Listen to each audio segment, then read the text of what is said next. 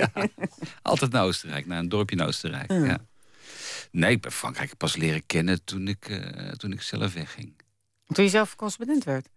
Nee, toen, toen ik jaar of 18 was, oh, toen ging studeren en ik naar Parijs ging en zo. En welke periode was dat?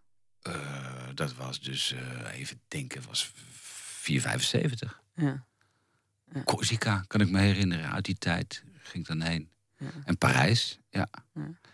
Wat iedereen altijd zo prettig vindt in Frankrijk zijn ook de boerenmarktjes, de, het stokbroodje, de café au lait. Nou ja, dat, uh... dat, dat heeft het. Het heeft toch iets, iets vriendelijks en dichtbijs. En er is bijvoorbeeld heel veel, heel veel middenstand die in Nederland er niet meer is.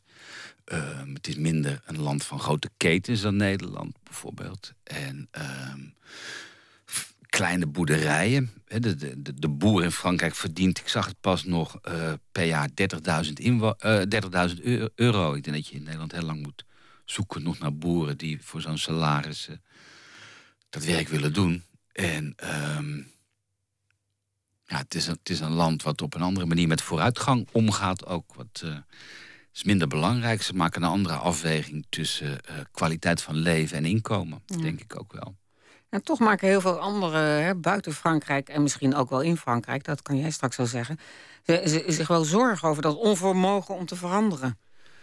Ja, dat, uh, nou ja, dat, is, dat, dat is dan... Dat is eigenlijk een leidraad ook in je, in je ja, boek. Dat, dat is het onderwerp van het terug. Ja. Um, dat had ik wel op een gegeven moment. Ik, ik heb ontzettend uh, veel plezier ge, ge, gewoon tegen werk. Maar um, zoals het dan hoort eigenlijk, als je ergens echt veel om geeft... dan ga je ook zorgen maken.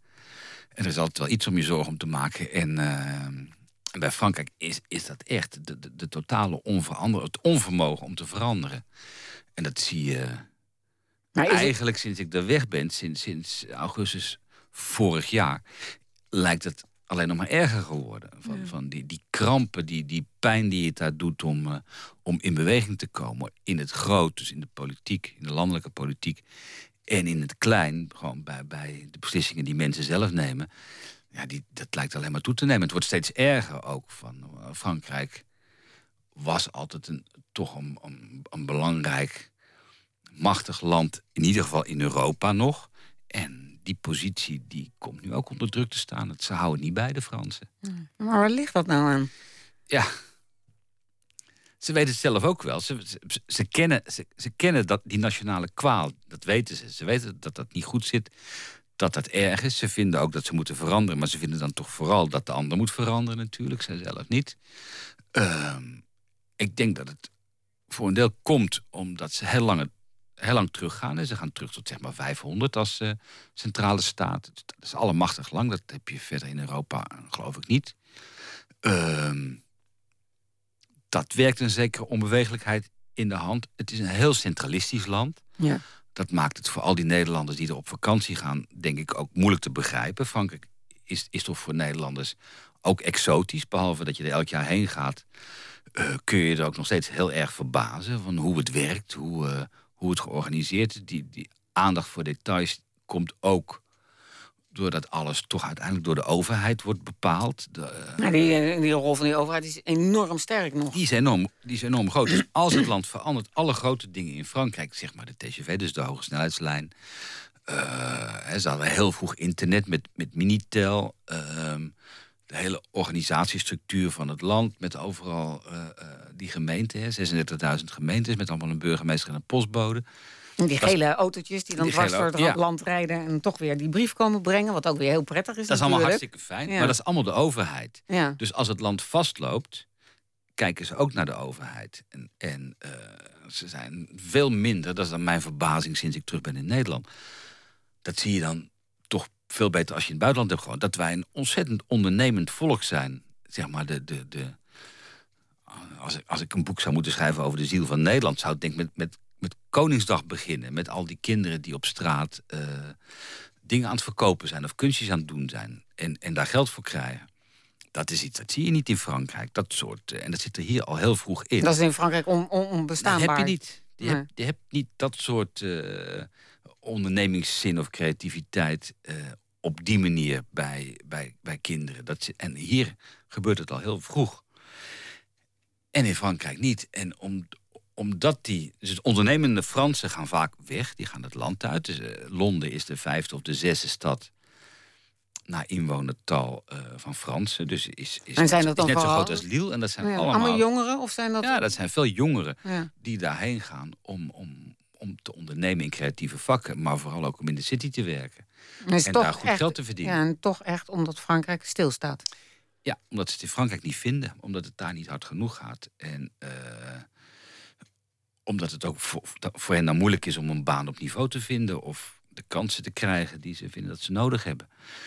En dat, is- dat is echt een probleem voor het land. En dat zie je, hè. De Hollande is een slechte president voor het land. Maar eh, eh, ook Sarkozy, ook zijn voorganger, had daar grote moeite mee om het land in beweging te Mm. krijgen. Dus zo'n crisis, zo'n economische crisis, die, die komt in Frankrijk later aan. Want de overheid kan hem eerst opvangen door van alles te investeren, allerlei projecten te ondernemen. Ja, want ze blijven ook maar geld uitgeven. Hè? Ze blijven alsmaar Dat geld, schrijf je ook in het geld boek. uitgeven. Ja, Jaar in, jaar uit. Veel meer geld- uitgeven dan binnenkomt. Ja. Want, eh, op alle manieren. Ook, ook in de pensioenen, daar lopen ze verschrikkelijk tegen op. Dat, hoe, hoe ze dat allemaal moeten betalen. ja, want ook hier, want er wordt wel eens over vraag. Griekenland eh, geroepen. Van nou, daar gaat iedereen zo vroeg met pensioen. Maar Frankrijk kan er ook wat van. Nou, ehm, maar dat zijn. Het idee dat Fransen niet werken, dat zijn ook wel weer vooroordelen. Nee, dat, zeg ik, dat bedoel ik niet hoor. Maar de, pensioenleeftijd ja, is pensioenleeftijd is zeker als je, is als je, laag. als Ja. je in de ambtenarij werkt. eh, ik, als ambtenaar kun je, kun je vaak al. Ik, ik kende een man in, in, in Parijs, ouder van een, eh, van een vriendin van eh, een dochter. Ik dacht, die is 45 of zo. Iemand, iemand zei, hij gaat, eh, hij gaat over een paar maanden met pensioen. En dat kon ik echt niet geloven. Een hele fitte kerel. Die bleek 50 te zijn, was zijn leven lang eh, buschauffeur geweest. Had heel handig zeg maar, zijn, zijn regime gevolgd. Dus als je dan maar op de goede momenten rijdt. De, de, de eh, besteding, de dagbesteding van een chauffeur wordt niet in uren, maar in minuten gecalculeerd. Dus dat doen ze ontzettend precies. Als je dan weekenden rijdt, of, of veel avonddiensten doet, of veel vervanging doet, of veel wisselende rondjes rijdt, krijg je alsmaar, alsmaar extra compensatie. En hij had het zo handig gedaan. Hij kon op zijn vijftigste stoppen.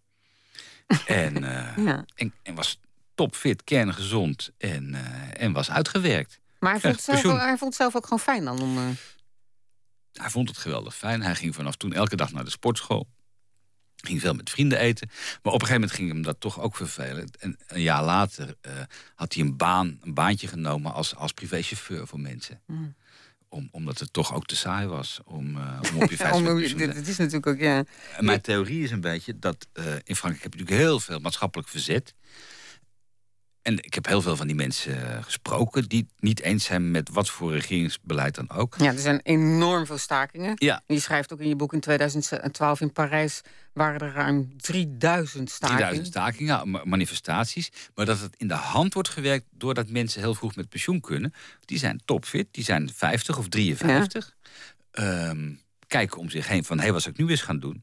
Zien altijd wel iets waar ze niet mee eens zijn. en gaat dat dan organiseren. En zo heb ik toch het gevoel dat de overheid ook een beetje zijn eigen verzet organiseert in Ja, feite. ja. Ja, want je, is ook, ook jongeren lopen dan in, in zo'n demonstratie. Ja. Zag ik op de tv ook die hele jonge mensen die zich gewoon enorm zorgen Ja. maken dat de pensioenleeftijd Ja, ja. omhoog gaat. Ja, dat is idioot. En dat je, dat je echt denkt, maar waarom zou je daar nu al druk om maken? Nou ja, ja, dat soort manifestaties heb je. Scholieren die, eh, die manifesteren tegen de, de verhoging van de pensioengerechtigde leeftijd.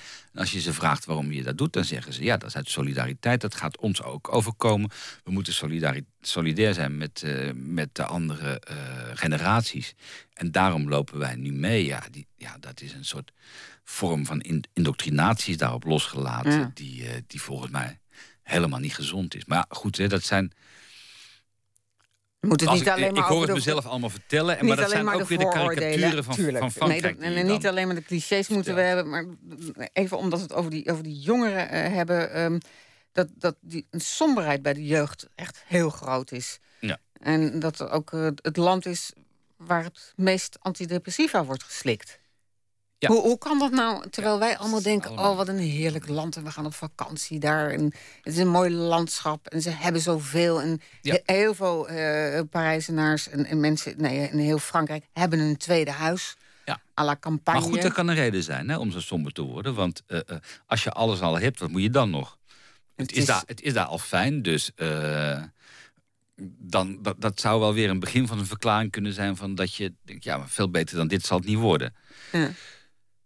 Maar het, zijn klagers zijn Nederlands natuurlijk ook, maar bij Fransen is het ook echt wel, wel, wel chronisch klagen. Dat kunnen ze Ik vind het een mooi woord wat je gebruikt, dat droefsnoeten. Ja, droefsnoeten zijn het, ja. ja. Alle onderzoeken komt het altijd uit naar voren. Dat, mm. uh, dat ze in de categorie van de Somaliërs en de Afghanen zitten uh, qua somberheid. Ze zitten echt heel erg laag.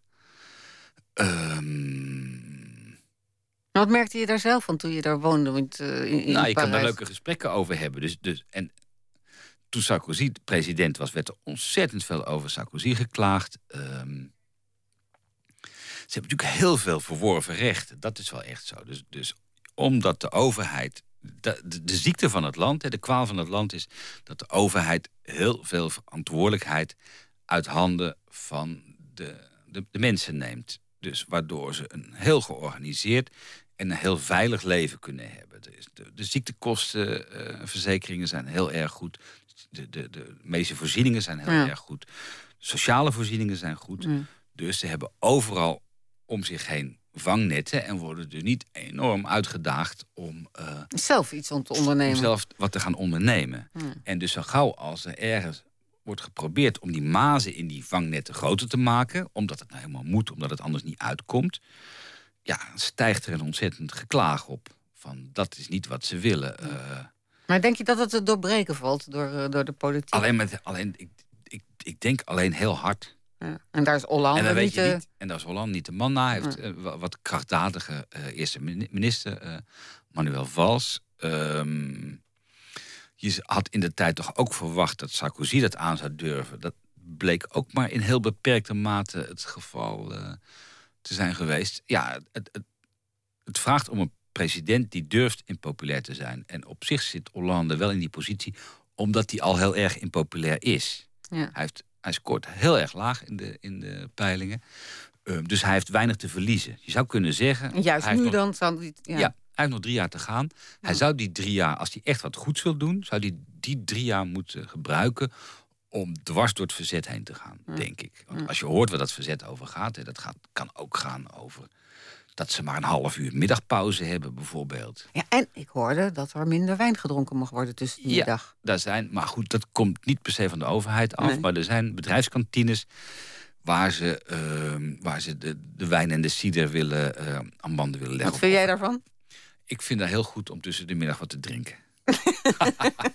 dat is een van de dingen die je mist in Nederland. Nou, uh, die, die, die, lunch, daar wordt ook vaak lacherig over gedaan. Frankrijk, omdat Frankrijk zo'n hiërarchisch systeem is, is het niet de bedoeling dat je als werknemer naar je werkgever toe gaat en zegt van hé, hey, zou je het niet allemaal eens op, op mijn manier gaan doen? Dat kan daar niet. Maar mensen spreken elkaar wel veel tijdens die lunch. Dan nemen ze een uur voor. Ze gaan ook later naar huis. Die, die, die lunch gaat niet af van de werktijd, zoals wel, wel, wel wordt gedacht. Nou ja, dan nemen ze de tijd voor, dan gaan ze zitten. En, en dan drink je. Het zijn geen grote drinkers. Fransen zijn helemaal geen grote drinkers. Je ziet in Frankrijk veel minder dronken mensen dan in Nederland. Het alcoholmisbruik is kleiner. Maar ze gaan wel tussen de middag drinken. Nou, dat heeft ook wel wat. Het ontspant. En, uh, en dat zijn dan niet grote, grote bellen, glazen? Bellen. Nee, je ziet als Fransen getafeld hebben... zie je vaak nog halve karaffen staan op tafel als ze weggaan. Ze drinken niet om het leeg te drinken, ze drinken omdat het lekker is. Nou, echt. Nou ja, dat heb ik daar dan ook, ook, ook wat meer geleerd. Van dat, dat het een hele goede manier van drinken is. Ook van, oh ja, dat is lekker. En, eh, niet meteen. Het niet allemaal meteen op. nee. nee. Ik vind zo'n mooie uitspraak die je ook aanhaalt eh, van generaal de Gaulle. Die zei ooit... Hoe een land te besturen waar 246 soorten kaas bestaan. Ja. Is dat eh, nog steeds zo? Nou, en al die kaarsjes en al, al die, die kaarsjes zijn natuurlijk, dat zijn er waarschijnlijk nog wel meer geworden dan, dan, toen hij president was. Maar wat in Frankrijk heel belangrijk is, is, is uh, de terroir. Hè. Waar kom je vandaan? Ja. Ook een Parijzenaar komt altijd ergens vandaan. Die komt bijna nooit uit Parijs, maar die komt uit de Auvergne of die komt uit de Bretagne of uit uh, Ardèche of waar dan ook. En dat is heel erg belangrijk. Daar, daar zit, woont dan vaak zijn familie nog. Uh, en daar hoort een soort verbondenheid bij die en die gaat wel ver. En daar, horen, daar horen lokale opvattingen bij. En die lokale identiteit is voor Fransen, uh, is voor Fransen heel erg belangrijk. Ja. Dat, is, dat, is, een gehechtheid die, uh, ja, die wij in Nederland denk ik niet in die mate hebben. Misschien ook nog wel hoor, in hoeken van het land. Maar, maar die uh, cultuur, dus, hè, de Franse cultuur is ontzettend belangrijk voor alle Fransen. Ja. En daar, daaraan begrijp ik dan ook wel dat het heel moeilijk is. En ze angst hebben ook voor de globalisering. Waardoor je een deel van je identiteit weer kwijtraakt. Ja. En nou, dat, dat heeft misschien toch ook wel hele prettige en aardige kanten. Natuurlijk, dat, dat, dat heeft hele mooie kanten. En op een gegeven moment had je die, in Frankrijk had je de demonstraties tegen het homohuwelijk. Ja. Uh, waar, waar, heel in Nederland, en waar in Nederland toch erg van schok. Hoe heftig ja, dat was. de hele wereld van wat, wat bezielt die Fransen? Want, ja. want uh, in alle landen daaromheen werd daar veel gemakkelijker mee omgegaan. Ook in het streng katholieke Spanje of ja. wat was het in Uruguay geloof ik. Argentinië is dat ook allemaal geen probleem ja. meer. Waarom in Frankrijk wel? Nou, ben daar naar op zoek gegaan en dan blijkt, of de meest geloofwaardige verklaring die ik uiteindelijk tegenkwam, was een socioloog die zei: um, maar die onveranderlijkheid is een deel van de Franse cultuur. Dus als je daaraan gaat komen, als je de grondslagen van de Franse samenleving uh, ter discussie gaat stellen, kom je aan het wezen van wat een deel van de bevolking als het wezen van het Frans zijn ervaart. En dat is heel erg belangrijk. Die Franse identiteit die zit niet meer in de kerk zozeer. Al was een deel van dat protest wel heel erg nog uh, katholiek aangestuurd. Um, maar die zit in een soort idee van Frans zijn. Uh, van, uh, van een soort principes die je deelt. En die onveranderlijkheid en bijvoorbeeld de, de, angst voor globalisering hangt daar dan ook weer mee samen. Hè? Want ja. ook, ook, de invloed van de rest van de wereld is dan een groot, uh, kan een groot gevaar in zich bergen. Die hoort daar dan bij. Ja, dat, nou, dat, dat is dan wat, wat ik in, in, het boek beschrijf. Dat Fransen toch eigenlijk het liefste een eiland zouden zijn, denk ik. Als je het ze zou voorleggen. Van als dat zou kunnen, als je het land zou kunnen losknippen uit Europa. En, en een duw de oceaan op zou kunnen geven denk ik dat ze dat heel erg prettig zouden vinden. Maar ja, dan, dan, dan begrijp ik toch nog niet waarom ze zo tekeer gaan tegen het homohuwelijk. Um, om. Want dat zou in de andere landen hè, ja. is dat natuurlijk ook heel erg geworteld in hun cultuur en in de katholieke kerk, juist in landen zoals Spanje, Italië. En, uh... Je komt met het homohuwelijk. Het, de, het protest tegen het homohuwelijk was eigenlijk niet per se tegen, um, tegen het, het trouwen op zich, maar ging, was vooral tegen de adoptie, de mogelijkheid van adoptie. Ik denk dat dat het allerbelangrijkste punt is geweest. Uh, het feit dat, dat homokoppels kinderen zouden kunnen adopteren. Want dan kom je aan dat de familie. Heel, dan kom je aan de familie, dan kom je aan, aan, de, aan de kernen van de samenleving. En dat is iets waar je volgens een heel deel van de Franse buitenbuurt moet blijven. Hmm. Hmm. Ja. En uh, als je dan nu kijkt, dat, dat, hoor ik dan ook. Ik ben dan weer een tijdje niet geweest, wel een paar keer in Parijs, maar niet meer op platteland. Ik hoorde ook van wel vrienden die dan door Frankrijk fietsen. Dat toch wel het oude Frankrijk ook wel aan het veranderen is. Omdat je niet meer overal zomaar een koffietje kan krijgen. En dat de bakker dicht is. En dat er toch de grote Leclerc-supermarkten overal ja. zijn. die de kleine middenstanders wel wegjagen. Ja, nou, dat is wel een, dat is wel een sluipend proces. Wat, wat je ziet, hè. je hebt al die, al die, al die dorpen, elke regio, el, of elk kanton heeft, heeft, heeft dan zijn, stadje met, de, met grote strips waar, uh, waar, waar de grote bedrijvigheid is. En uh, waar, zo, waar zo'n zo'n Grand Surface, zoals dat dan heet, zo'n hele grote. ja, wij hebben eigenlijk dat soort, dat soort malls hebben wij bijna niet in ja. Nederland. Niet veel, dat is niet, dat, dat niet onze cultuur. Maar dat is dan eigenlijk weer in, in, in, in tegenspraak. Amerikaans gek genoeg. Ja, maar dat is ja. Amerikaan tegenspraak ook, dat ze dat allemaal vast willen houden. En dat het zo moet blijven. Ja. Maar je schrijft ook in je boek dat bijna niemand van de jongere generatie, artsen, verpleegkundigen, willen niet uh, in een afgelegen streken wonen. Nee, ze willen niet het platteland op. Nee. Daar aarzelt de overheid dan ook weer in om dat verplicht te stellen. Met, met on onderwijs gebeurt dat wel. Uh, maar in de medische uh, kringen gebeurt het dan weer niet. Je zou kunnen zeggen, ga eerst het platteland op. Een paar jaar plattelandsarts. En dan mag je je in de stad vestigen. Want uiteindelijk worden die uh, opleidingen door de staat betaald. De universiteit wordt door de overheid betaald. Dus je zou best wel dat soort eisen kunnen stellen. Dat willen ze niet. Ehm, en de mensen die nog wonen op het platteland... het Franse platteland is toch ook vrij arm. Is armer, zeker ja. armer dan in Nederland. En, en die, die grote supermarkten, die grote malls, die, die stellen de mensen in staat om daar te kunnen, blijven wonen ook. Omdat, omdat ze gewoon veel goedkoper zijn dan, dan andere winkels. In Parijs heb je ze ook niet. In Parijs is verboden. Oh, daar is het echt verboden? Ja, in Parijs heb je geen grote supermarkt. Daar zit, zit een limiet op, ik weet niet meer, 3000 vierkante meter. Dat zeg ik uit mijn hoofd, maar misschien zit ik al te hoog. Je hebt alleen maar kleine winkels. Wat vond jij zelf nou het, het, het, het, fijnste in Frankrijk? om in Parijs te wonen, om daar te zijn. Je bent dwars door het hele land gegaan. Dat is ook bijzonder van je boek, dat je op allerlei plekken bent, met allerlei verschillende mensen spreekt. Nou ja, het is, het is een. Ik vond het uiteindelijk een heel erg toegankelijk land. Uh, de mensen heel erg prettig om mee om te gaan. Uh, behulpzaam, ze zijn natuurlijk hoffelijk. Hè. Dat, dat, is dan, uh, dat is dan wel echt waar van de clichés over Frankrijk. Dat ze gewoon wel echt beschaafd zijn, zal ik maar zeggen. Uh, zich heel goed kunnen uitdrukken. Iedereen die je spreekt heeft wel een verhaal. Kan... Leren ze ook op school, hè? Leren ze op school. En dat is, dat is dus als je iemand, hè, als journalist, kom je met allerlei mensen in gesprek. Maar ook als je een, boer ergens helemaal waar nooit iemand komt spreekt, kan die precies uitleggen uh, wat hij van de dingen vindt. Dat, dat, dat heb ik heel erg leuk gevonden. Ja, de, kwaliteit van leven, dus het meer tijd nemen voor dingen, dat zit er wel in. Nederland is denk ik gehaaster, compacter zeg maar in, uh, in hoe we het doen. Dus wij, wij werken hard in, in een beperkte tijd. Fransen nemen wat meer tijd voor de dingen. Het is natuurlijk echt een, soort klein continent. Want je hebt op, op, binnen Frankrijk heb je alle soorten landschappen. Ja, dat is fantastisch. En je hebt de zee en je hebt meren en je hebt bergen. Je hebt, uh, ja. Het is een, wat ik echt leuk vond, het is een groot land. Het, is, het, speelt een, nog een rol op, eh, op het wereldtoneel. Dus je, je woont in een land wat er nog een beetje toe doet. Ja. En, uh, Toch nog, ook ondanks dat het dan slechter gaat met Frankrijk, blijft het een heel belangrijke economie nog steeds. Ja, blijft het, en voor militairen ook is het belangrijk, ja. Voor militairen?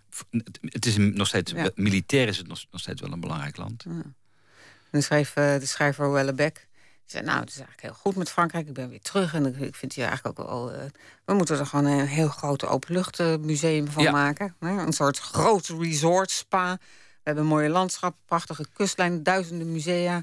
Niks aan de hand. Wij gaan gewoon leven van het toerisme. Maar is dat nou de oplossing? Nou, dat is een begin van de oplossing, denk ik. De, ik heb dan opgevolgd het idee en gesuggereerd... je moet er een groot openluchtmuseum van maken van, uh, van Frankrijk. En, en dan moet je een stap verder gaan. Hè. De, Franse gastronomie is al werelderfgoed. Maak van de Franse landbouw ook werelderfgoed... want die leveren de, de ingrediënten voor die gastronomie. Nou, dat is maar een klein stapje om, om, om het hele land uh, toegang te heffen. Uh, maar bij Frankrijk hoort toch ook een soort idee van, uh, van een heel belangrijke plek op het wereldtoneel. Dus de, en dat doe je niet met een land nee. wat alleen maar een, uh, nee. een, museum is. Een museum met luxe-industrie, zeg maar. Dus nee, de, die industrie zal het land moeten houden, denk ik. Niet uh, omdat het zoveel oplevert of omdat het zoveel banen oplevert, maar vooral omdat het door die industrie toch zijn plaats in, in de rijen der volkeren kan blijven opeisen. Ja. ja. En wil je terug? Als het zou ah, ik zou best terug willen, ja. Het is mij daar heel erg goed bevallen. En, uh, en ik was er nog lang niet, uh, niet op uitgekeken. En ik heb het ontzettend leuk gevonden om in een land te wonen...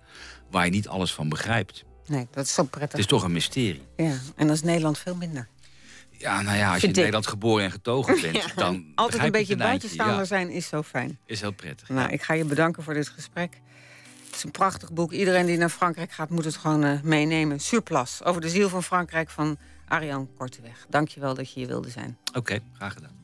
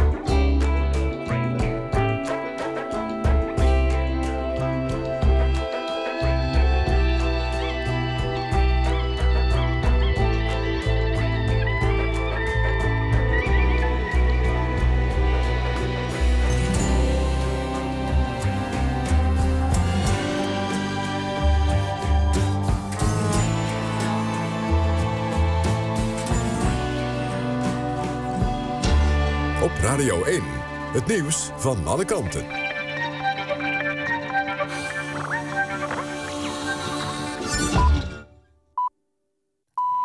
1 uur, Femke Wolthuis met het NOS Journaal. Kredietbeoordelaar Fitch is positiever over de Nederlandse economie. Het bureau stelde het vooruitzicht bij van negatief naar stabiel. Nederland behoudt daarmee de hoogste status AAA. De verwachting is aangepast omdat de Nederlandse economie sneller uit het dal klimt dan Fitch bij de vorige beoordeling had verwacht.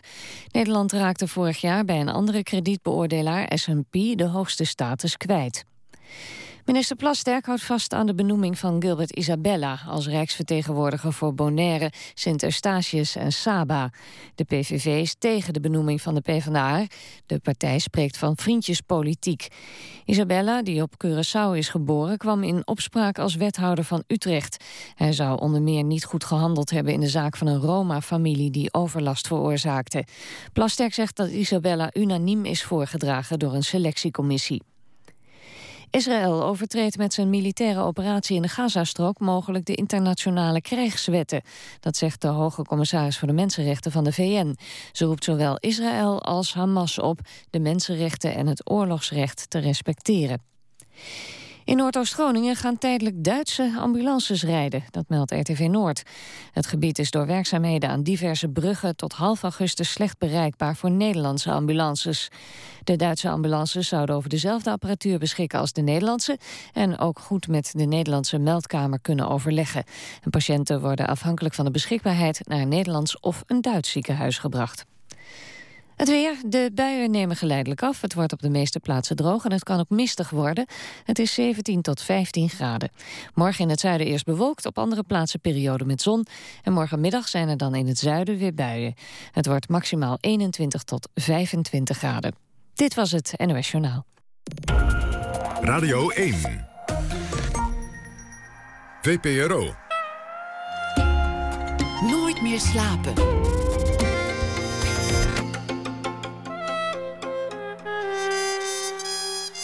Met Karen de Bok. Welkom terug.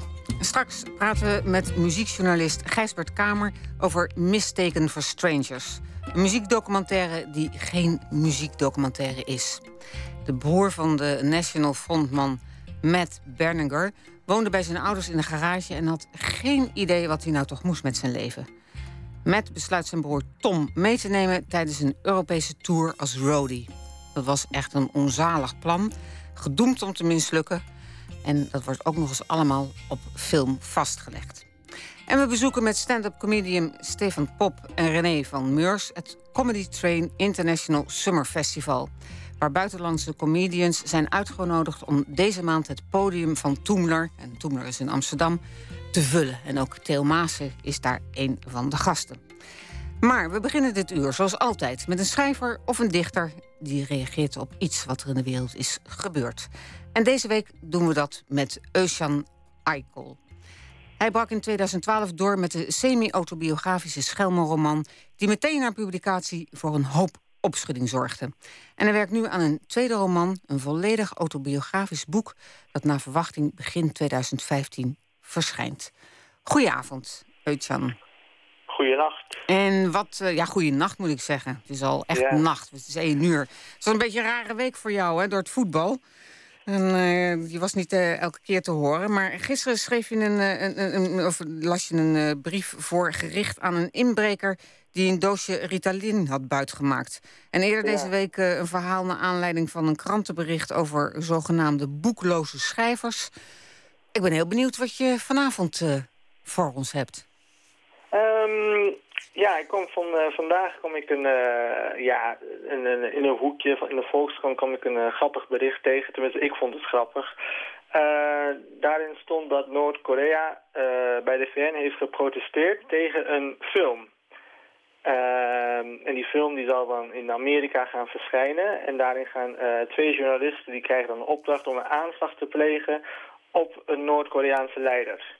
En uh, ja, Noord-Korea vindt dat een uh, soort van uh, ja, haatzaaien. Ja. Misschien zelfs um, dat mensen echt aangezet worden om dat te doen. Dus die hebben geprotesteerd tegen een stereotyp beeld dat wordt gecreëerd van Noord-Korea in die film.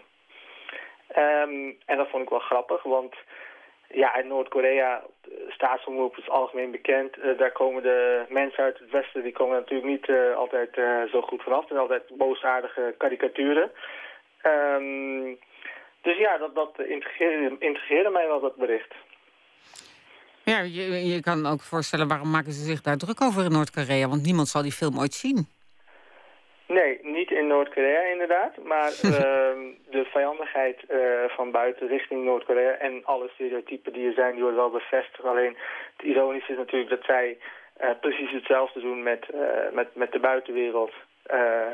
en daar heb ik eigenlijk nu een verhaal over gemaakt.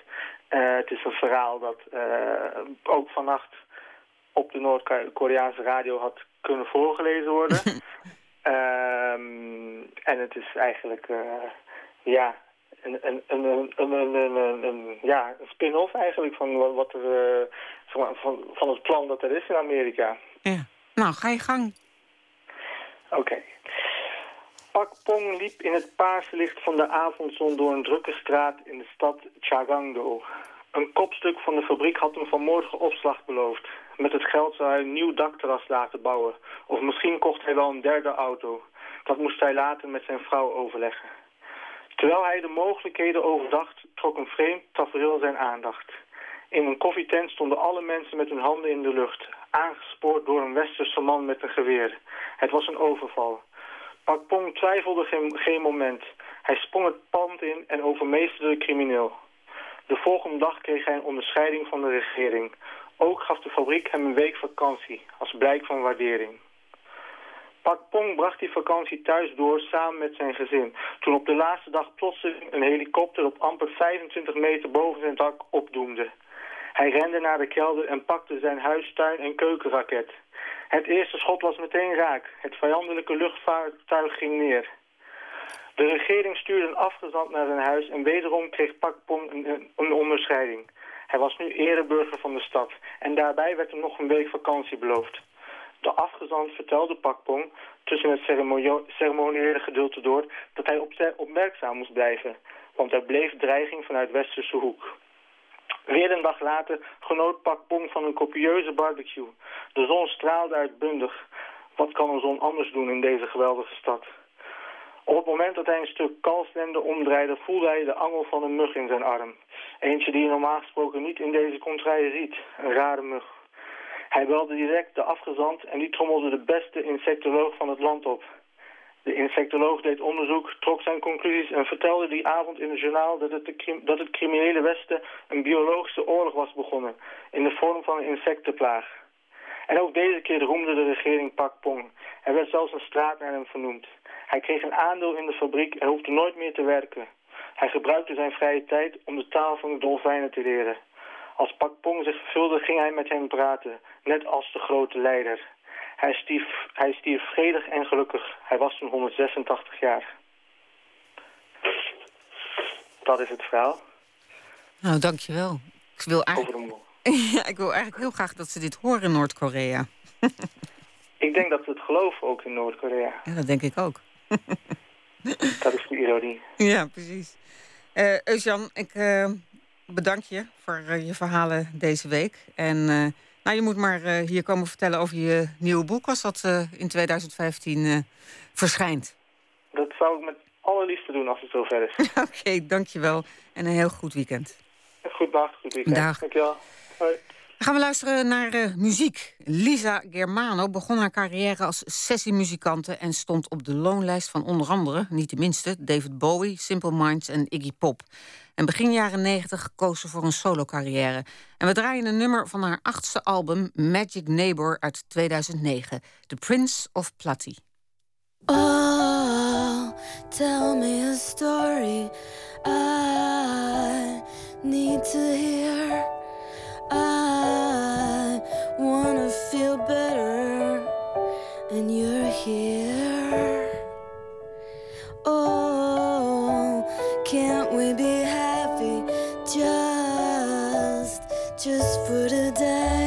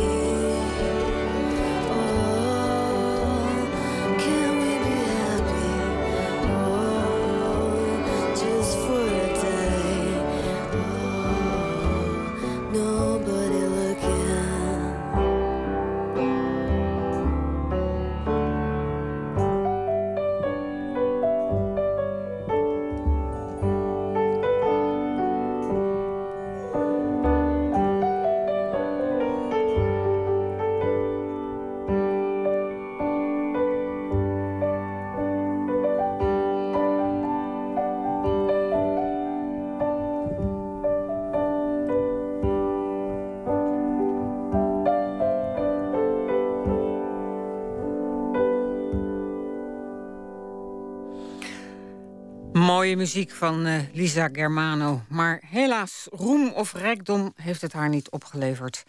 De keuze voor een solo-carrière. Daarvoor is deze muziek net eh, iets te persoonlijk misschien. U hoorde dus Prince of Platti van de Amerikaanse singer-songwriter Lisa Germano.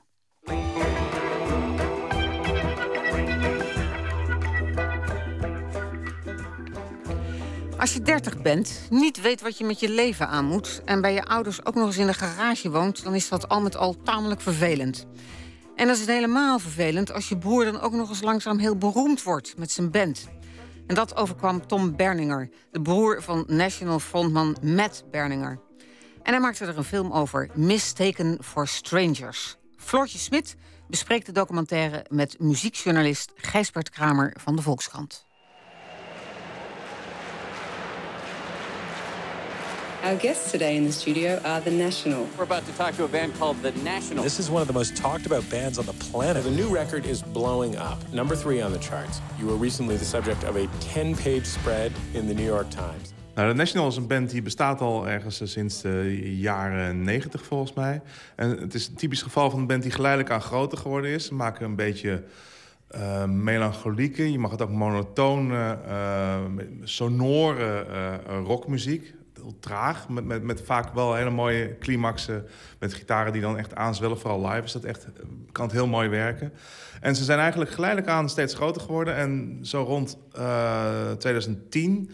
Um, toen het album High Violet uitkwam, dat was echt een soort van grote doorbraak. Daarna konden ze echt in grote, zeg maar de grotere zalen, die waren voor hun in Nederland dan de Heineken Music Hall in plaats van Paradiso. En, en dat is een beetje nu hun status. En de, die hebben ze geconsolideerd later. En het is een, um, wel een bijzondere band. Je, je kunt het een beetje vergelijken met de, de, de wat, wat zwaardere kant van R.E.M. Dat, dat, dat is ook wel een soort voorbeeld voor hun. En het is een uh, uh, binnen de, de, de, de, de, het is, het is een, een, grote band binnen de indie rock scene en een kleine band binnen de mainstream. Uh, zo kun je het een beetje beschrijven. Wat, wat voor type is die, die frontman? Matt Berninger is een. Uh, um, ja, het is. Uh, een beetje een, uh, maniak af en toe. Hij, kan heel rustig beginnen met, met zingen... en dan ineens ook helemaal opgaan in de muziek... en een beetje doorslaan. En dat, dat, wat hem ook wel live wel een, mooie, boeiende persoonlijkheid maakt. En ik heb hem één keer gesproken samen met een, van de, een van de gitaristen.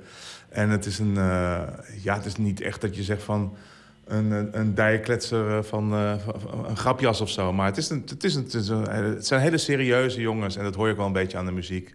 Het is, je mag het ook wel humorloos noemen. Eigenlijk ontzettend slechte band om een soort uh, behind the scenes uh, te maken eigenlijk. Ja, nou, dat heb je aardig verwoord. Ja, nee, een heel slechte band om inderdaad achter de schermen iets te gaan filmen. Ook al doe je dat fly on the wall, al, ga je ze, ook al stel je ze allemaal vragen. En daarom keek ik ook met een zekere belangstelling toen ik zag dat er een documentaire over hun gemaakt was. Ik, wist, ik had er eigenlijk niet echt in verdiept. en toen pas toen ik die film aan het kijken was, kwam ik erachter dat het gemaakt is door de jongere broer van de enige niet-broer in de, in de band, uh, de zanger dus Matt Berninger. The Times piece mentions you guys are a band of brothers, but then there's you, Matt. You're the guy in the band who doesn't have a brother. I do have a brother. He's more of a metalhead. He thinks indie rock's pretentious bullshit. Two weeks ago, Matt called. He asked if I wanted to go on tour and be a roadie. I'm taking a camera along to make a documentary on the band. Met de zanger die haalt dus zijn broer erbij, omdat hij... Um, die haalt zijn broer binnen als een soort crewlid omdat hij hem wil helpen, omdat hij hulp nodig heeft. En ook een beetje uit een soort medelijden, want zijn broertje die kan wel aardig filmen. Hij heeft ook een paar uh, low-budget uh, horror movies gemaakt. Maar hij, het komt er nog niet echt uit. Hij wil, wil hem een beetje helpen. Uh, dat is een aardig idee. Dus mag hij, wordt lid van de crew, komt hij samen een beetje onder de tourmanager te staan. Wat best wel een, een behoorlijke drukke job is met, met zo'n band op tournee. Uh, acht maanden lang. Maar dan zegt hij ook nog eens een keer, of dat blijkt dan, dat hij graag een documentaire wil maken behind the scenes. Dus hij heeft eigenlijk twee jobs. En terwijl hij eigenlijk niet, allebei niet, niet goed kan. How famous do you think you are? That's okay. I how fast can you play? What kind of drugs and how many drugs have you done? You carry wallets on a stage with you, your ID while you're when you're playing. Allebei die taken combineren lukt Tom bovendien voor geen meter. Als het onvermijdelijke moment komt dat hij ontslagen wordt en hij de band vertelt dat hij een film wil gaan maken van het materiaal, schrikken de bandleden zich een hoedje, vertelt Matt Berninger. Decided he was going to make a movie. Everybody got very nervous about like what was he going to make a movie because we because he'd been fired and he didn't have much good footage. We knew he didn't have much good footage. Um, I had some good footage. Yeah, but not the kind of footage that we wanted anybody else to see. But, maar dat hoefde eigenlijk niet, want de film gaat uiteindelijk amper over de band. Onderwerp is vooral Tom zelf. Een worstelende dertiger die ook niet weet wat hij met zijn leven moet. Met een uiterst succesvolle broer. En dat verhaal over die broers is universeel. good because it's not about the band. You know, it's about something else. So the band is just a backdrop. This whole thing is. It's weird that I'm even like here. I don't even know what I'm doing here.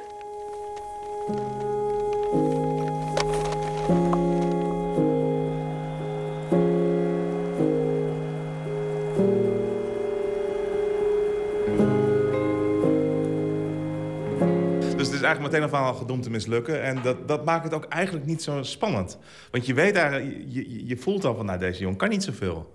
En uh, iedere keer um, zie je hem worstelen met aan de ene kant zijn werk als uh, crewlid... en aan de andere kant als filmmaker. En allebei lukt het allemaal niet. En je moet daar een soort medelijden met hem gaan krijgen. En dat lukt mij gewoon niet. Want ja, het, het is heel sneu als, het, als, als, als hij geen goede documentairemaker is. Maar ja, dan moet hij iets anders gaan doen. Eh, wat, wat wel goed uh, past in zekere zin is dat, dat de National... hun muziek en hun teksten gaan heel vaak over een beetje misfits. Mensen die heel mhm. erg worstelen met hun plek in de maatschappij. En dat mhm. is eigenlijk wat deze film toch ook is.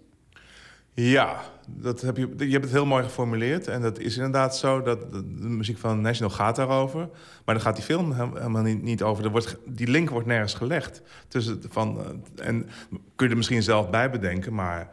Uh, dat, is me toch te, dat is me toch te mager. Het, uh, uh, ik, ik hoef, en kijk, de, muziek gaat, gaat over volgens mij heel veel meer. Maar je wordt ook helemaal. Die muziek gaat speelt op een gegeven moment ook helemaal geen rol meer. Dat, dat, dan, je hoort af en toe eens wat, maar denk van nou, dat zijn meer snijshots. Van we moeten even wat anders. Dan dat het echt, echt bewust gekozen is van nu gaan we even naar dit nummer luisteren. Nu gaan we even goed. Nu laat het even op ons inwerken. En, en oh ja, inderdaad, het gaat inderdaad over uh, wat we nu zien ook. Maar dat, dat, dat heb ik geen moment gehad, dat gevoel. Je bent er bijna, je bent er bijna een beetje boos om, heb ik ja, het idee. Ja, ik ben, er een, een, beetje boos om. Dat volgens mij, zeker in die periode... Uh, het was, ik heb die band toen ook zelf gesproken. Het was echt wel een, een interessante band. Als je, die, als je een, een band kunt, of een artiest kunt, kunt, kunt uh, vangen of betrappen op, op het moment dat het met ze gaat gebeuren. Dat kan mooie dingen opleveren als je daar zo dicht bovenop zit. En eh, kijk, daar had het natuurlijk over moeten gaan. Het had, hij, had, hij had met zijn broer moeten praten over... hoe is het nu na al die tijd dat je nu ineens in grotere zalen... dat het ineens grotere waardering is. En dat, eh, want dat was er aan de hand. En eh, ehm, dat, dat gebeurt allemaal niet. De bezwaren die Gijsbert heeft, daar lijken filmjournalisten minder moeite mee te hebben. Mistaken for Strangers werd juist geprezen omdat het volgens hen een heel gelaagde en geestige documentaire is over familieverhoudingen. En het past ook heel erg in een trend natuurlijk. Van muziekdocumentaires die juist niet meer alleen om de band en de muziek draaien, maar veel meer om het verhaal daarachter. Nou, dat, dat heb ik, ik heb ernaast zitten denken inderdaad waarom uh, documentaires over bands nog gemaakt worden... terwijl er eigenlijk ja, op, op, op deze andere manier... En, volgens mij heeft het ermee te maken dat er eigenlijk geen publiek meer is... dat gewoon een uur lang of anderhalf uur lang naar een, uh, een, de muziek van een band wil kijken. Dat, dat klinkt heel raar, maar al, al, YouTube, alles staat vol met, met, muziek. Alles je kunt alle, alle concerten, er wordt heel veel gefilmd. Je kunt alles zien wat je wil. Er, is helemaal geen schaarste in dat opzicht. Dus het is heel moeilijk uh, om gewoon een, anderhalf uur lang naar uh, een concert te kijken. En wat moet je anders? Je kunt backstage, maar die beelden zijn, zijn natuurlijk allemaal hetzelfde. De band komt op, band gaat af en ze zeggen wat tegen elkaar. En ja, een band in, in een bus, dat is ook niet zo boeiend. Het is allemaal heel... dat is wel een beetje klaar, dus je bent snel uitverteld. Maar heb jij, ben jij als, als uh, hoe kijk je naar die documentaires? Vind je dat, vind je dat altijd vervelend? Of, of komt, er, komt er ook wel eens een soort nieuw inzicht?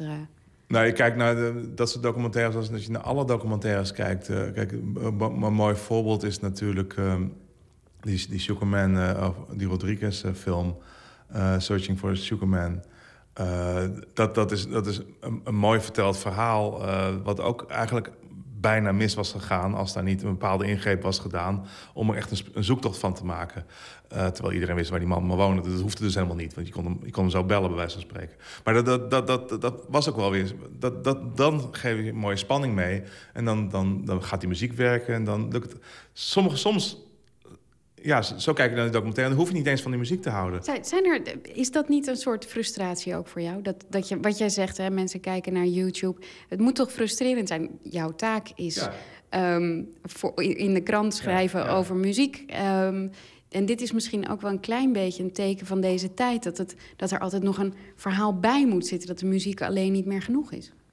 Ja, dat, dat is wel een beetje waar. Um, het is natuurlijk wel interessanter ook als er, als er wat over een persoon die dingen maakt te vertellen is buiten de muziek om. Dat je niet alleen hoeft te beschrijven uh, ja, waar de teksten over gaan of, of hoe, hoe het klinkt, maar dat, dat, dat er nog iets van een drama is.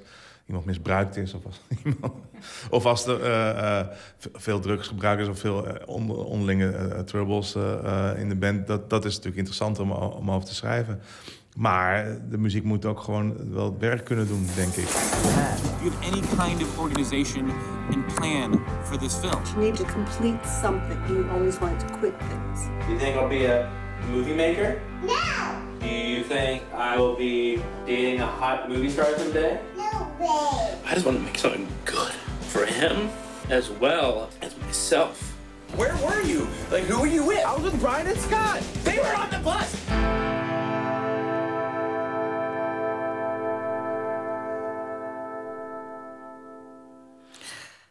De documentaire Mistaken for Strangers uh, die is te zien in Amsterdam, Den Haag, Nijmegen en Groningen.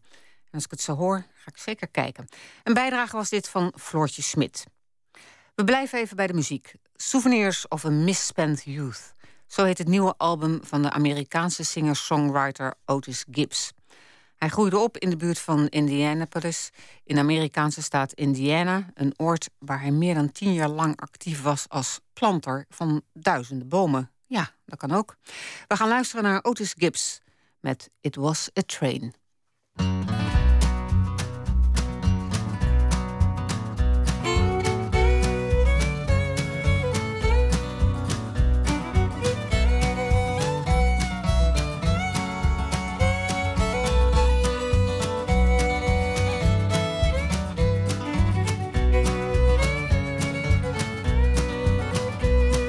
Climbed aboard the ugliest of beasts.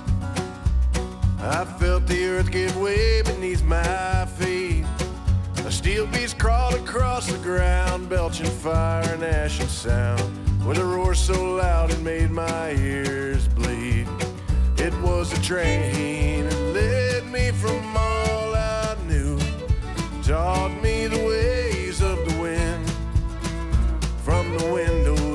train, I saw my youth pass by. Now this train's gonna take me home again.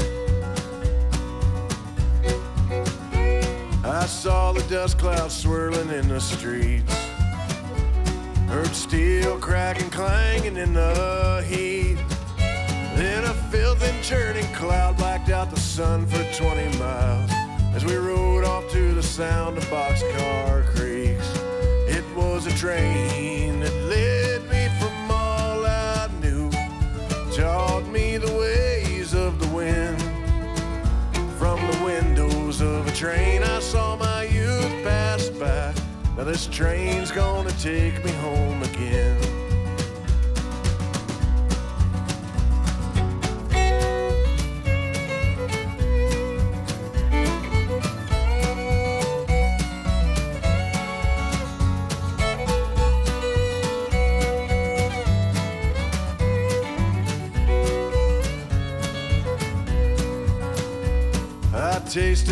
Filthy lies upon my lips. I felt the hateful scorn of hypocrites. I choked gasped for air with black soot matted in my hair and clutched the door with tar stained fingertips. It was a train that led me from all I knew, taught me the ways windows of a train, I saw my youth pass by. Now this train's gonna take me home again. Now this train's gonna take me home again.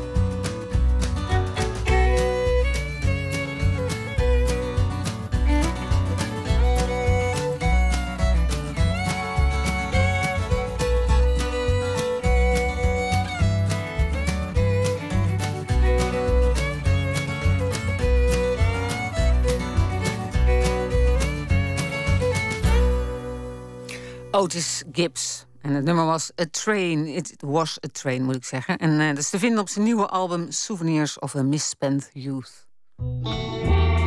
Nooit meer slapen. En vanavond begon het dan eindelijk in Rotterdam met North Sea Jazz Festival. En drie dagen lang pelt Ahoy uit van de geïmproviseerde muziek.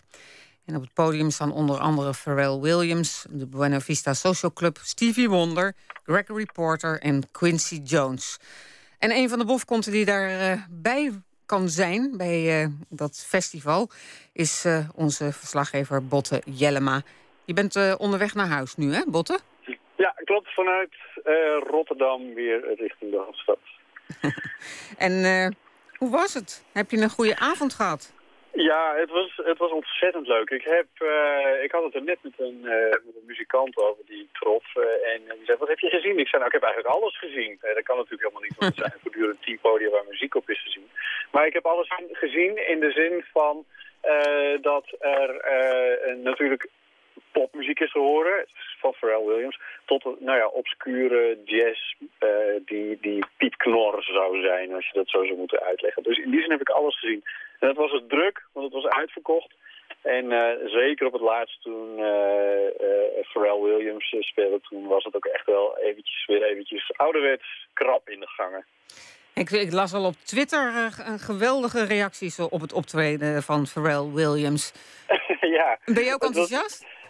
Wat, hij, nou, wat, hij- wat hij riep was, eh, ehm, eh, are you here to party? En toen dacht ik, ja, dat is dus precies, hè, dit was aan het einde van de Ja. avond, eh, dat is dus precies waar je daarvoor daar naartoe moet. Eh, je kan daar gewoon naartoe om eventjes uit je dak te gaan. Als je dus die jazz hebt gehoord, dan kun je daar eventjes naartoe. Het, ik, vond het, ik vond het zelf heel erg leuk. Er kwam heel veel NERD voorbij. Eh, er kwamen veel dingen die hij geproduceerd heeft kwamen voorbij. Nou, dat, die reis is bijna eindeloos. En hij deed dat steeds wel opvallend kort. Maar hij was, hij was heel lyrisch en zo. En op een gegeven moment kwam dat eruit. Hij zei, ja, ik heb eigenlijk net twee glaasjes te veel gedronken. En ik vertel jullie dat nu maar gewoon, want, want ik heb namelijk Sheila E. en Stevie Wonder in de coulissen staan. En die kwamen allebei even het podium, want die deden niks. Maar ze waren er wel. En dat, daar was hij zo ontzettend blij mee. Dat was echt geweldig. Ja, dat kan me ook wel voorstellen. Het was natuurlijk helemaal mooi geweest als ze even samen wat gedaan hadden. Ja, we hoopten het allemaal, maar dat zat er niet in, kennelijk. Nee. Nou, nou uh, zijn de echte strenge jazzliefhebbers die zeggen... Pharrell Williams, uh, dat hoort helemaal niet op Noordzee Jazz Festival. Ja, nou, dat is, inderdaad een, kwestie die vaak naar voren komt van het heet Noordzee Jazz Festival. Daarom is er dan zoveel pop geprogrammeerd. Nou ja, zo zou je er naar kunnen kijken. Uh, en natuurlijk staan die grote headliners, die staan op alle posters en die staan in de persberichten, al die dingen. Maar um, je kan uh, ook even naar de kleine zalen als je de roltrappen en de trappetjes opgaat. En dan kom je in zalen waar uh, bijvoorbeeld Nederlandse artiesten als Reinier Baas staan geprogrammeerd. Ja, dat is een jazzgitarist die uh, muziek maakt die niet op de posters terechtkomt. Maar die nog wel de, de, de echte jazz is zoals je die wacht op een, verwacht op een jazzfestival. En Reinier Baas die hadden we gisteren natuurlijk eventjes bij ons in de ja. uitzending. En die zei het prachtig. Die zei, ja, die grote acts die trekken veel publiek. En dan kunnen de kleinere acts zoals wij weer van profiteren. Ja, en zo helpen ze elkaar, zal ik maar zeggen. Dus eigenlijk vind jij die mix juist wel goed? Ja, ik vind eigenlijk dat ze dat heel goed doen bij, uh, bij Noordzee Jazz. Als je het zoekt, kun je het zeker vinden, de meer obscure jazz. De, uh, je, je, komt geloof ik al twintig jaar hè, op het festival. Ja, bijna. Ja. wat is er veranderd? Eerst was het natuurlijk in Den Haag, nu is het in Rotterdam. Maar wat, is er, wat vind jij wat er echt wezenlijk is veranderd? Nou, dat viel me vanavond ook weer op. Dat is eigenlijk hoe ontzettend goed er nagedacht is over die publiekstromen. Je moet je voorstellen, dat is Ahoy. Dat is toch een behoorlijk uh, groot uh, centrum. Maar daar moeten 25.000 man moeten daar doorheen. En uh, die lopen voortdurend van net het, het een naar het andere. En die moeten dus naar de wc en die gaan eens wat kopen en die gaan dus een hapje eten. Die, die uh, publiekstromen, daar is ontzettend goed over nagedacht zo langzamerhand. Van hoe laat houdt dat concert op, hoe laat begint dat concert, wat voor stromen verwachten we daar tussendoor. En dat kan in Ahoy ook een stuk beter dan het in het oude congrescentrum in uh, Den Haag kon. Natuurlijk hadden ze dat nu ook wel aangepast. Maar ik ben nog steeds heel erg blij dat het in uh, Ahoy is en niet meer in Rotterdam. Want ja, daar heb ik mijn lichte claustrofobie zo ongeveer opgelopen uh, toen de tijd. Nou, daar hoef je nou gelukkig geen zorgen meer over te maken dan. Nee. Um, je, je bent ook naar de Buena Vista Social Club geweest? Ja, ontzettend leuk, want... Uh, dat ik, is ik ben helemaal verbaasd dat ze er nog zijn. Ze zijn toch bijna allemaal dood? Ze zijn het ook, ja, ze zijn het nog ongeveer, want uh, het, het is het laatste concert wat ze in Nederland hebben gegeven, want het is echt een uh, goodbye uh, optreden, ze stoppen ermee. Ik ben zo blij dat ik dit heb gezien, het was ontzettend mooi. Het was niet per se muzikaal allerhoogste, maar um, uh, het is ook niet meer de originele band zoals uh, Raikuda die in uh, 1996 heeft opgericht. Maar, want ja, er zijn veel van die oude beestjes die zijn er gewoon niet meer. Die zijn overleden in de afgelopen 10 jaar, 20 jaar. Um, maar ze waren er toch en de, de zangeres Elida Ochoa die was er en die kreeg het hele publiek helemaal gek. Het was echt fantastisch. En uh, nou ja, het, het, was, het was ontzettend mooi. Het was echt uh, een, een, een, een ontroerend optreden, moet ik zeggen. En, hoe, en hoe, hoe, kan, je, kan je dan vertellen hoe zij dat publiek dan gek kreeg? Hoe, hoe kwam dat dan? Nou ja, een, voorbeeldje. Dit was een plusconcert, zoals het dan heet. Dat betekent dat je er extra voor moet betalen om daar ook nog naar binnen te kunnen. En dat beloopt snel de 15, 20 euro. Ik weet het niet precies, maar zoiets. Uh, dat is dan ook geplaceerd. Dus dan weet je dat je een stoel hebt en al die dingen meer. Dus ze worden een beetje naar een stoel begeleid. Zoals dat een beetje in een theater gaat, zoals je dat ook kent. Nou, dat zitten, dat heeft ongeveer tot de helft van het concert geduurd. En toen ging iedereen staan en liep naar voren en begon te dansen en al die dingen meer. Dus ja, daar kwam het vooral tot in, uh, in, tot in uitdrukking. Blijf je het hele weekend? Ja, ik mag er uh, morgen en overmorgen ook nog aan toe. Ik verheug me nog op optreden uh, van Quincy Jones, de grote producent die achter Michael Jackson zat en werkte met Frank Sinatra en, en allemaal van die grote namen en heel veel heeft betekend voor de muziekwereld. Hij is op het, uh, hij gaat spelen met het Metropoolorkest. Stevie Wonder is er dus. ook heel bijzonder. Ja. ja, ja, ja, die was er. Eh, vier jaar geleden ook. En toen was het, eh, het viel zijn optreden wat gek samen met het eh, finale van het WK. Nou, dat hebben we deze keer niet. Ja, gelukkig, hè? Daar kun je van alles van vinden. Daar laat ik me niet over uit. Maar we kunnen nu gewoon eens niet gewonnen. En Natalie Cole is er ook. Dat is ook ontzettend te gek. Daar verheug ik me ook op. En natuurlijk ook nog een hele trits obscure jazz acts... waar de Noordse Jazz dan zo goed voor is. Daar ga ik ook naartoe. Mooi. Ik vind dat jij, want we gaan wat laten horen van de Buena Vista Social Club... maar ik vind dat jij het maar even mag aankondigen. Ja, leuk, leuk. Ze hebben het ook gespeeld vanavond. En het is een nummer wat uh, het e als eerste op dat beruchte album van uh, Cooder en Juan de Marcos González staat. En dat is uh, dus Vista Social Club het nummer Chan Chan.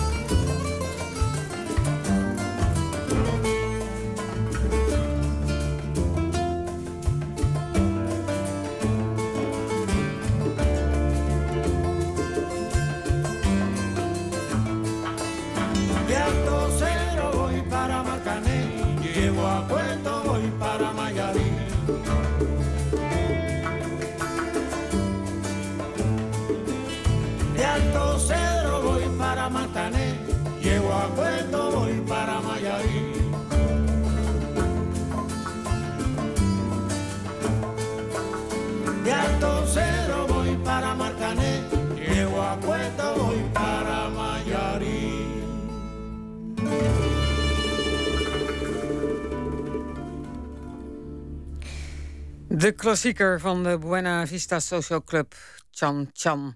En wat fijn dat de muziek toch blijft bestaan. Ik ging er eventjes lekker doorheen praten, want ik wilde gewoon zeggen dat het zo fijn is. En dat ze wel hun adios-tour houden, maar dat de muziek tenminste altijd blijft bestaan. Goed, op het Comedy Train International Summer Festival staan deze hele maand Engels sprekende comedians. Stefan Pop bepaalt welke collega's dit jaar te zien zijn. En stand-up comedian René van Meurs is een van de presentatoren. Hij maakt sinds 2007 deel uit van de Comedy Train... en twee jaar geleden heeft hij de jury en de publieksprijs van de Kameretten gewonnen. En verslaggever Nicole Terborg sprak beide heren op het festival... waar ook Theo Maassen, Comedy Train lid van het eerste uur... een van de bezoekers was. The International Comedy Festival. Give a big round of applause for your MC of tonight. It's René van Meurs.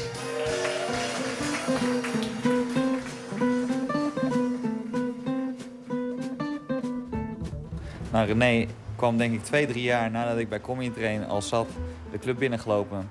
En bij zijn eerste auditie was het meteen raak. Dat is echt goed, toch? Eerste auditie ben je meteen aangenomen, toch? Ja, dat was oké, ja. Ja, dat was oké. We hebben alle twee een erg grote interesse in Engelse comedy. We hebben sa- samen in Edinburgh bij het Edinburgh Fringe Festival al opgetreden. Gaan dit jaar weer. Het is een, een, een toegankelijke jongen. Dus hij pakt je meteen in met, eh, met een glimlach.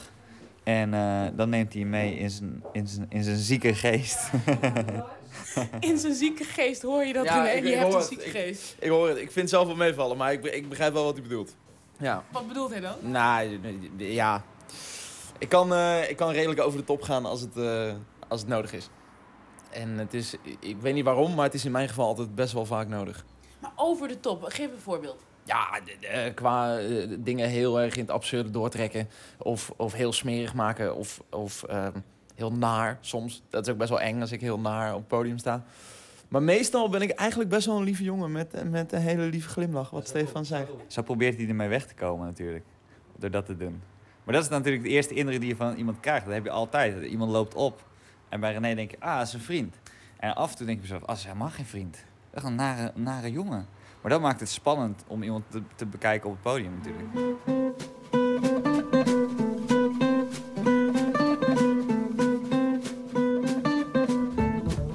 Stefan is ehm, binnen Comedy denk ik, mijn eh, jongste oude broer.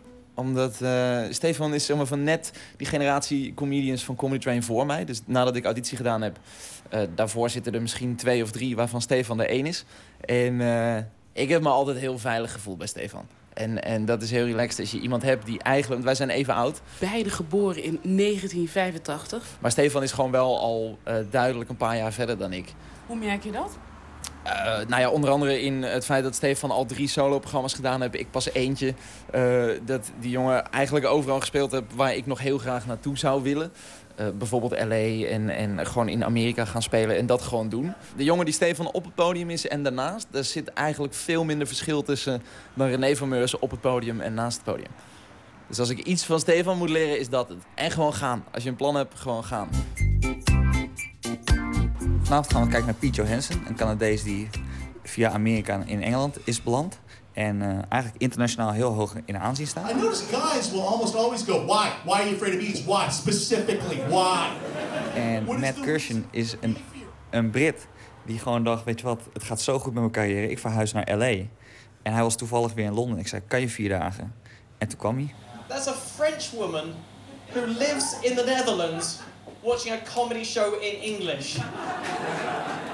That is ridiculous. Dit festival loopt tot begin augustus. Met Ja. elke week twee comedians uit Engelstalige landen, van Canada tot Australië. En jij bent programmeur. Waar heb je op gelet? Nou, ik heb allereerst gekeken naar wie, wie zou ik nou zelf willen eh, eh, eh, zien hier in Amsterdam. En dan kom je meestal uit op namen die eigenlijk buiten het budget vallen. Maar dan ga je ze toch aanschrijven. En sommige die happen dan gewoon ineens. En dan denk je ineens, nou, wat is dit fantastisch. En, en, dan, en dan staan ze ineens in de line-up. En dan heb je dus al een paar grote namen staan. En dan wordt het makkelijker om nieuwe mensen te vragen. En eh, dan krijg je ook weer aanbevelingen van, van die comedians die ik hoog heb zitten internationaal. Of dan reis ik zelf rond. Denk bij mezelf, oh, dat is een goede comedian. Of, of die is over twee, drie jaar groter dan dat hij nu is. En zo scout ik ook een beetje. Dus zo kies ik het. Wat, wat maakt dat, dat, jij dit, eh, dat jij dit kan? Dat je een oog ervoor hebt? Je kan een goede comedian zijn, maar dat betekent niet dat je een goede scout bent. Nee, dat is, dat is helemaal waar. En het, is eigenlijk, dat is eigenlijk ook een lange, lange, lange traject. Dus dat is over, eigenlijk over vijf jaar moet er worden gezegd... hey, vijf jaar geleden, toen Stefan het eerste festival eh, boekte... Toen, eh, toen was die en die en die is nu geëxplodeerd. Die is nu heel groot. Dus eigenlijk valt het nu nog niet te zeggen, maar... het feit dat ik al eigenlijk één of twee afzeggingen heb gehad... van talentvolle comedians waar misschien het Nederlands publiek nog nooit van heeft gehoord... waar ik ineens een vervanger voor heb moeten zoeken... wil gewoon zeggen dat ze heel erg gewild zijn... en dat ik gewoon in het juiste vijvertje aan het vissen ben.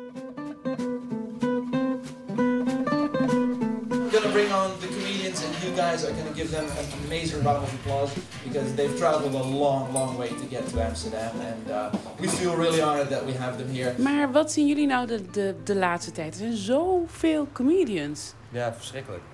Ik vind het verschrikkelijk. Als comedy slecht is, is dat het echt het slechtste wat je kan zien live. Gewoon slechte... ja, ik, ik kan dat ook niet. Ik kan dat gewoon niet aanzien. Kijk, Wanneer is iets slecht dan? Nou, als het, als het gewoon geen, geen enkele laag eronder heeft. Als het gewoon niet... En daarmee bedoel ik meer dat het geen enkele persoonlijkheid heeft. Dus dat je alleen maar woorden hoort en geen gedachten. Dat je alleen maar eh, constructies hoort en geen ideeën. Moppen tappen. Ja. En daar zijn er best wel veel van, dat geef ik ook helemaal toe. En daar staan jullie dan tussen. Ja, en dat is heel jammer, want eh, dat reflecteert ook automatisch op wat wij doen. Ik had laatst had ik, had ik iemand die aan mij vroeg... Stand-up je bent stand-up comedian? Toen zei ik ja. Toen zei hij, oh, dus je, je praat eigenlijk de hele avond over dikke wijven en neuken en de IKEA en de NS. En toen dacht ik, eh, nee, nee, want je kan met stand-up zoveel meer en zoveel dieper en verder dan alleen die dingen. En het vervelende is dus dat er superveel beginnende comedians zijn die het daar wel over hebben. En mensen komen zo snel en kunnen ook overal in aanraking komen met stand-up... dat ze heel veel slechte dingen zien. Jullie hadden van alles kunnen doen. Jullie hebben voor dit vak gekozen. Wat maakt dat dit vak zo aantrekkelijk is dat je dit wil doen? Dat je hiervoor gekozen hebt? Poeh. Ik, ik weet eigenlijk niet eens of ik hiervoor gekozen heb. Ik heb, eh, ik heb vier jaar facilitair management gestudeerd. En ik wist, ja, ik wist dat ik dat niet wilde. En ehm, ja, op een, gegeven, op gegeven moment heb je dit, heb je dit zo vaak gedaan... of ben je hier zo veel en, en vaak mee bezig... dat je ergens diep van binnen voelt dat je niet eens meer iets anders kan of zo. Dus ik zit een beetje op dat punt. Ik zou niet weten wat ik met mezelf zou aanmoeten als ik niet zou stand-uppen. Onderaan de trap hier, bij de ingang van eh Toemler. En straks eh, gaat het beginnen. Wat hoop je nou dat er niet gebeurt? Jij bent programmeur. Wat er niet gebeurt is dat de buitenlandse comedians eh, schrikken af en toe van het Nederlands publiek. Het Nederlands publiek is heel eerlijk. Ik heb, ik heb ook al in Amerika gespeeld en in Engeland. In Amerika zijn ze heel enthousiast. Het Nederlands publiek is, is best wel bot. Als ze gaan niet iets roepen, maar als ze iets niet grappig vinden, dan geven ze echt geen, geen millimeter. Je moet mensen echt, eh, echt overtuigen voordat je waardering krijgt. En, en dat, dat heb ik toen... eh, want wij speelden in 2010 ook al in Edinburgh. En eh, dat viel me daar wel op dat mensen inderdaad vanaf het begin af aan zin hebben. Men- mensen hebben hier ook zin. Maar ze zijn wel nog dat ze denken, oké, kom maar op dan. En dan eh, een beetje ach- ja, heel kritisch achterover hangen, armpjes over elkaar. En als je dan eh, een paar minuten in je, in je set zit en je hebt bewezen... oké, ik ben wel degelijk grappig... dan gaan ze een beetje ontspannen, dan zullen ze je wat meer cadeau geven. Maar het is wel... eh, nou, de concentratie is ook vrij vluchtig bij Nederlanders. Het is vanaf het begin tot het eind eh, moet je ze bezighouden. Ik zag al wat mensen naar binnen gaan. Het viel me op, met name vrouwen. Eh, boven de 30 had ik een beetje het idee. Maakt dat nog wat uit? Nee, voor mij niet. Ik ben vrijgezel, ik vind alle vrouwen oké. En jij?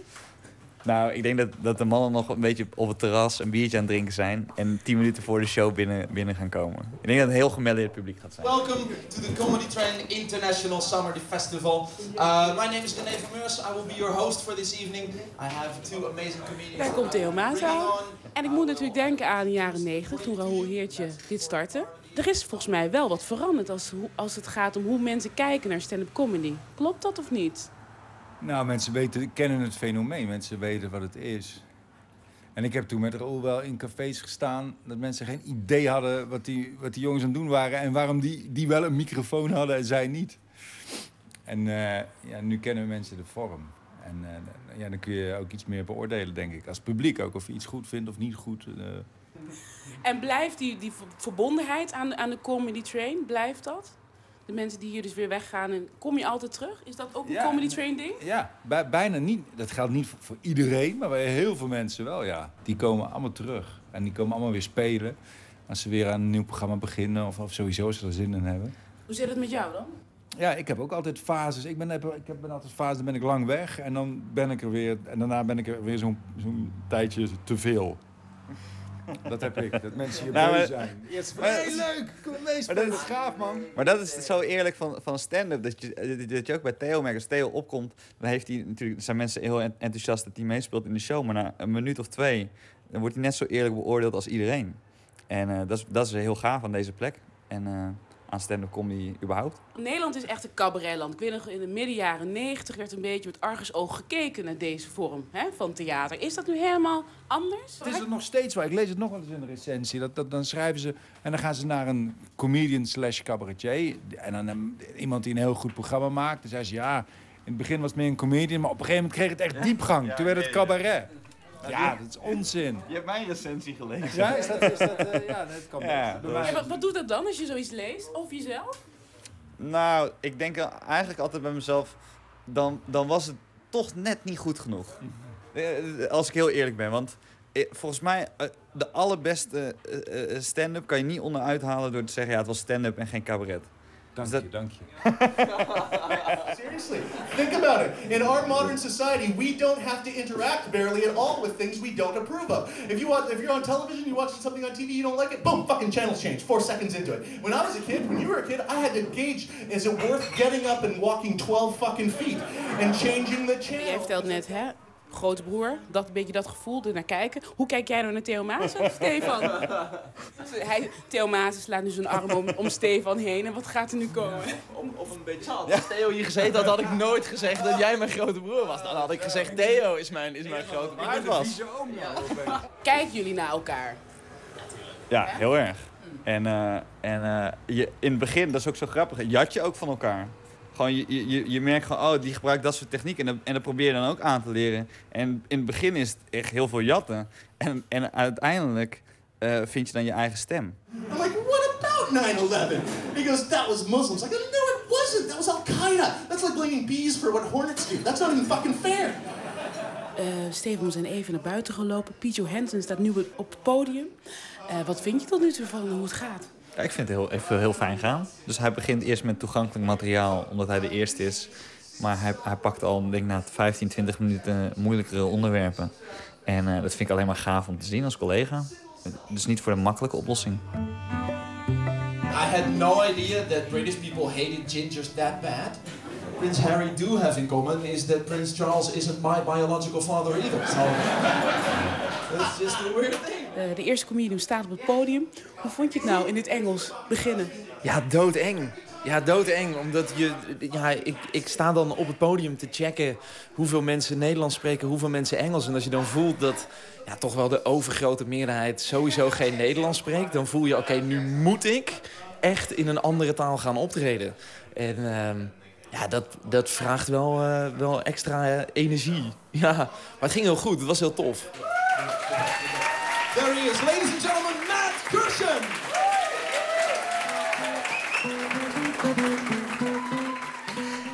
Het Comedy Train International Summer Festival in Toemler in Amsterdam. En eh, u kunt er naartoe. Het is nog eh, tot 2 augustus eh daarvan alles te zien en te lachen. De Amerikaanse band 311 vierde onlangs hun 25-jarig bestaan. En wij gaan luisteren naar een uitvoering van Love Song uit 2004. En dat is een cover van The Cure.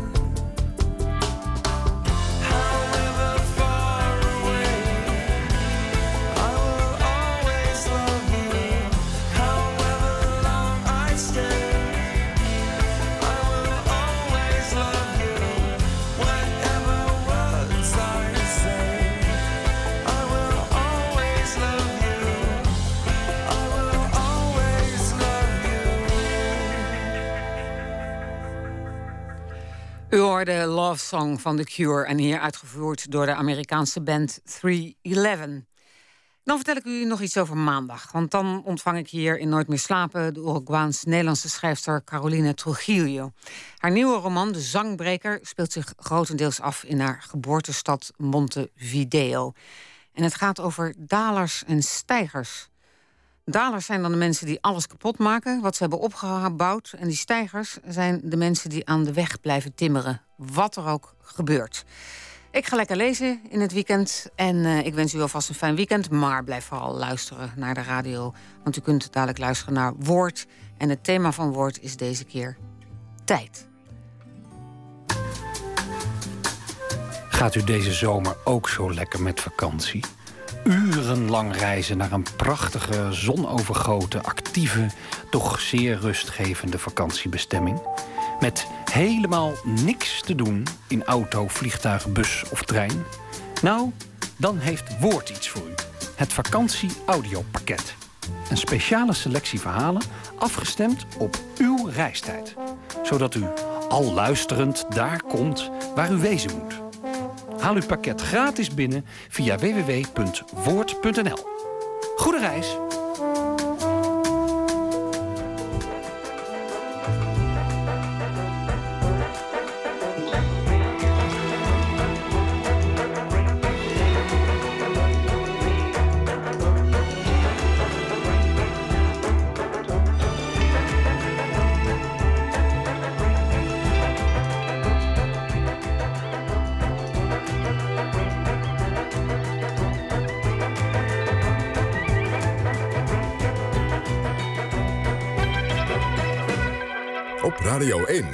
Het nieuws van alle kanten.